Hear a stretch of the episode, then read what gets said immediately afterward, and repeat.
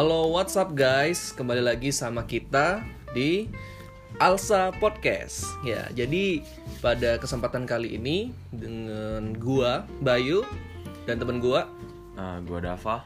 dan gue Mufli bakal ngebahas tuntas nih tentang isu-isu hukum yang sedang menarik saat ini, khususnya yang ada di Kota Palembang. Jadi dengerin terus podcast kita selama 10 menit ke depan bersama kita di Alsa Podcast. Oke, anyways nih guys. Jadi eh, sesuai dengan yang aku dengar saat ini tuh lagi sangat hangat dibicarakan uh, khususnya di kota Palembang itu soal itilang. Jadi itilang itu juga eh, khususnya aku sebagai pengendara ini agak sedikit terkejut nih guys terkait eh, adanya itilang yang ada di kota Palembang ini. Jadi kalau menurut lo nih udah selaku pengendara jalan juga nih itu menurut lo baik nggak sih soal etilang ini atau lo ngerasa ada yang kurang kurang sosialisasi atau eh, kurangnya apa ya eh, sosialisasi lah sedikitnya kepada kita selaku pengguna jalan kayak gitu selaku pengendara gitu loh Eh, Oke, baik. Kalau gua sih eh, lihat da lihat lagi dari kemarin katanya dari 12 Maret ya, 12 Maret 2021 katanya itu udah ada kayak omongan-omongan gitu soal ditilang untuk di di diaplikasiin kayak itu ke nasional. Tapi baru diresmikan itu pada tanggal 23 Maret di nasional lewat E ETLE kalau nggak salah. Electronic Traffic Law Enforcement. Nah, itu e-tilang ini bukan hanya bukan hanya maksudnya tuh secara lalu lintas saja ya, kayak kayak pakai sabuk pengaman atau yang pakai bermotor pakai helm. Ini karena kita dalam pandemi juga, kita juga disuruh pakai masker gitu. Dan di dalam mobil tuh ya kan dalam pandemi ya, jadi nggak boleh rame-rame kayak gitu. Kayak kalaunya katanya kalau lebih dari dua orang tuh udah udah termasuk tilang ya kurang tahu juga tapi kalau dilihat ke dasar hukumnya eh tilang ini udah ada sejak tahun 2009 loh di undang-undang lalu lintas di undang-undang tahun nomor 22 tahun 2009 Hmm, coba mungkin Mufli bisa dijelasin lagi dasar hukumnya mengenai e-tilang ini karena barusan aja diresmiin ini tanggal 23 Maret kemarin. Oke eh, thank you Dap mungkin kalau dari dari gua sih pandangannya ini kan udah sesuai dengan bahwa Indonesia ini adalah negara hukum dan ini juga sesuai dengan Undang-Undang Dasar 1945 pasal 1 ayat 3 bahwa Indonesia itu adalah negara hukum nah dalam rangka penyelenggaraan lalu lintas dan angkutan jalan itu telah dibentuk Undang-Undang Nomor 22 Tahun 2009 tentang lalu lintas dan angkutan jalan. Di dalamnya itu tentunya mengatur beberapa ketentuan yang di antaranya itu terkait dengan tujuan penyelenggaraan lalu lintas dan angkutan jalan.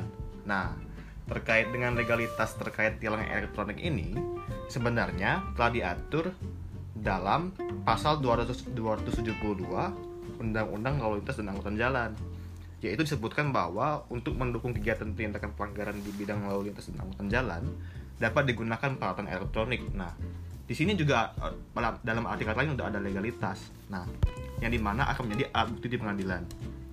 Nah, lalu hal ini juga dimak- dimaksud dalam pasal 46 ayat 3 Peraturan Pemerintah Republik Indonesia nomor 32 tahun 2011 tentang manajemen dan rekayasa dan analisis dampak serta manajemen kebatuan lalu lintas bahwa penegakan hukum dapat dilakukan dengan cara langsung atau tidak langsung melalui media elektronik.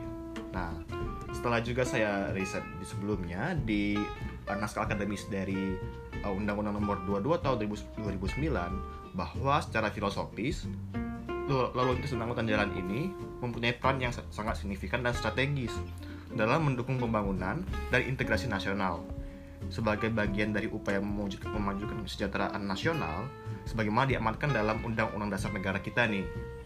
Nah, mungkin kalau dari secara filosofi, secara sosiologis, secara sosiologis lalu lintas dan angkutan jalan ini eh, berperan sebagai sistem transportasi nasional yang harus dikembangkan potensinya dan peran-perannya untuk mewujudkan keamanan, keselamatan, ketertiban, dan kelancaran berlalu lintas yang ada di Indonesia dalam rangka mendukung pembangunan ekonomi dan pengembangan wilayah yang ada di Indonesia.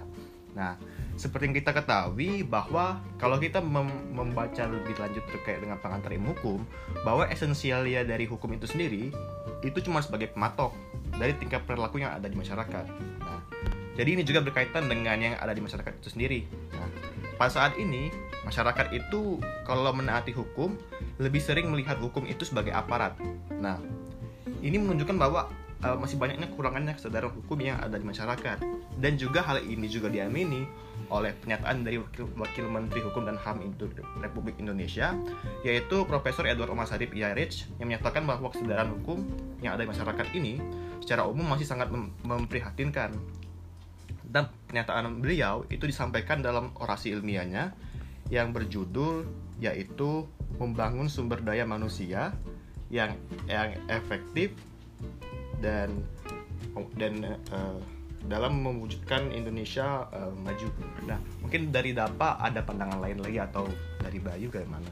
Oke, eh, ini menarik ya teman-teman. Jadi eh, gue punya teman-teman yang cukup udah explore banyak nih soal eh, e-tilang ini. Dan aku tentunya sebagai pengamat juga ya sebagai mahasiswa hukum nih ya guys ya. Karena menurut aku ini juga eh, di salah satu legal standing dari mahasiswa hukum dan juga kita dari peraturan ini legal standingnya itu menurutku jelas. Jadi kayak apa ya menurut gue tuh eh, kita masyarakat ini memang harus dipaksa untuk tertib. Karena eh, sejauh ini yang kita lihat semakin sering disosialisasiin masyarakat ini nggak sadar-sadar guys. Jadi nggak pernah adanya eh, korelasi antara eh, tindakan preventif dari pemerintah kepada masyarakat dan masyarakat pada pemerintah. Dan sudah seharusnya memang eh, pemberlakuan em, aturan ini terjadi juga di seluruh masyarakat dan udah kita baca sama-sama tadi guys bahwa ta- per tanggal 14 Maret itu udah diberlakuin nih untuk seluruh wilayah di Indonesia khususnya di Palembang. Tapi anyways, menurut kalian nih udahkah eh, efektif ini untuk diterapkan di seluruh masyarakat Indonesia atau bagaimana? Soalnya kita nggak tahu nih, kita nggak menutup kemungkinan ketika kendaraan kita lagi dipakai oleh orang lain dan juga tertera di situ nomor polisi kendaraan kita, itu gimana? Kalau menurut pandangan kalian guys, jadi kalau menurut aku sih ini eh, sedikit ngerugiin sih, karena kadang kan eh, kita nggak tahu kan tiba-tiba, eh, bye, pinjam motor nih, gue mau ke mana misalnya, mau jemput orang tua gue di rumah sakit, at least kayak rumah sakit umum di kota Palembang. Yang itu kan ngelewatin eh, zona e-tilang tuh.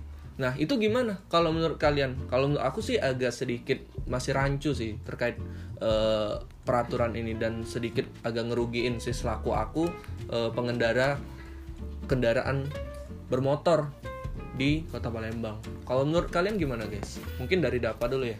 Oh, Oke, kalau Bayu tadi ngomongin soal hukum ya, balik lagi ke hukumnya juga. Di e-tilang nih belum ada kayak peraturan dari pemerintah atau kayak gimana. Ya guys. Cuma baru diresmiin, dah. Udah di, di- diresmiin dasar hukumnya tuh masih make yang UU 2009 gitu. Dan sejauh ini feedback dari masyarakat ya belum ada yang signifikan gitu. Baru katanya sih udah kalau di Jakarta ya apa si kalau Kapoldanya bilang eh e-tilang ini memperbaiki sistem lalu lintas gitu. Soalnya 40% dari angka kecelakaan itu turun kalau gak salah katanya. Tapi di di Palembang sendiri mungkin kita ke lokal dulu ya di Palembang itu belum ada di belum ada angkanya gitu. Belum ada data empiris. Hmm, gitu. Eh, balik lagi Karena baru juga ya Iya, mungkin iya, ya. iya. Kayak gitu. balik lagi juga ke itunya kayak kalau di Jakarta tuh gue lihat ada zonanya bener-bener zona gitu kayak kalau lu masuk kawasan e-tilang gitu ada ada tulisannya kayak ada memasuki kawasan zona tilang elektronik kalau di Palembang itu belum diimplementasiin gitu jadi kita tuh belum tahu kayak itu Oke. Kalau menurut lo nih, Mov, selaku eh, yang motornya sering dipinjemin oleh temen-temen nih, suka dipakai buat ke mana ke mana itu lo keberatan nggak? Kalau misalnya motor lo ditilang tapi bukan karena perbuatan lo, Itu gimana kalau menurut lo? Kalau menurut gua sih, gua tetap keberatan sih. Tapi walaupun juga ini juga tujuannya itu baik, yaitu untuk mewujud- mewujudkan keadilan dan juga kepastian hukum. Nah, lalu konsep ini juga itu diharapkan mampu untuk mereduksi praktik menyimpang petugas di lapangan, yaitu seperti uh, uh, suap dan juga uh, pungli. Lalu juga kalau kita berpikir apabila e-tilang ini menerapkan denda yang maksimal, maka tentunya akan memberikan efek jerah. Bayangkan kalau lu melanggar uh, rambu lalu lintas, itu dikenai denda maksimal 500 ribu. Nah hal ini dapat lu bakal mikir lagi untuk melanggar lalu lintas itu.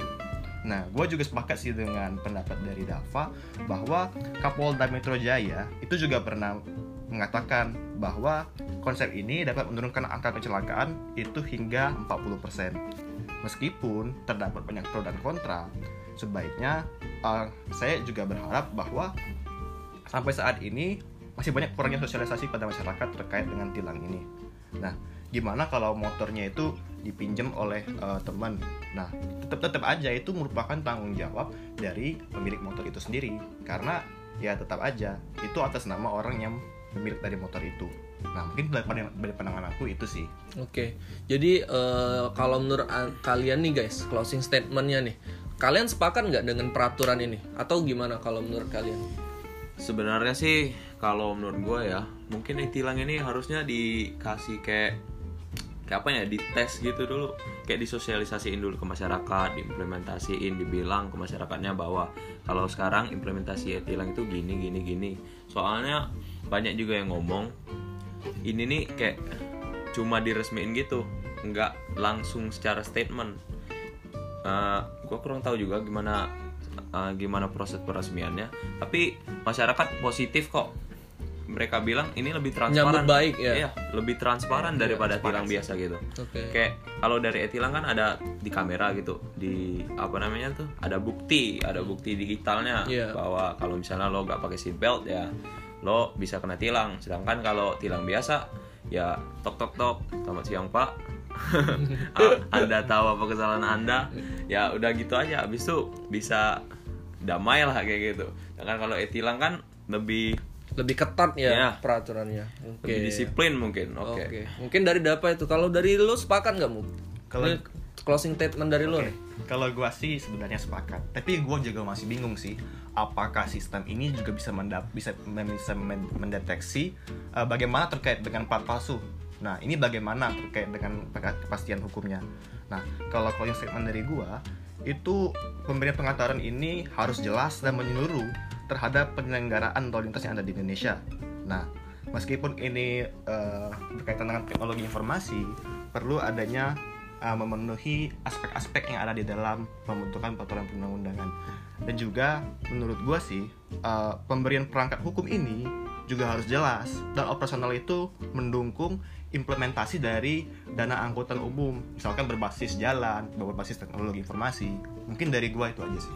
Oke, baik guys, ini kita udah di penghujung dari podcast kita kali ini. Jadi eh, rekomendasi kita nih buat dari dari kita, dari masyarakat untuk pemerintah itu mungkin lebih bisa di eh, kaji ulang, disosialisasiin ulang sembari peraturan ini dilaksanain gitu kan. Jadi kepada masyarakat juga nggak terkejut dan juga masyarakat akan tentunya menyambut baik eh, itikat baik dari pemerintah untuk menertibkan lalu lintas yang ada di Kota Palembang dan di Indonesia khususnya. Oke guys, jadi Oke. itu buat bahasan kita pada eh, Hari ini. podcast kali ini. Oke. Jadi buat kalian stay tune terus buat dengerin podcast podcast podcast kita selanjutnya di Alsa Podcast tentunya. Mungkin eh, terakhir dari kita, so your contribution, develop your skills and connect to others. Alsa Always be one. Thank you guys.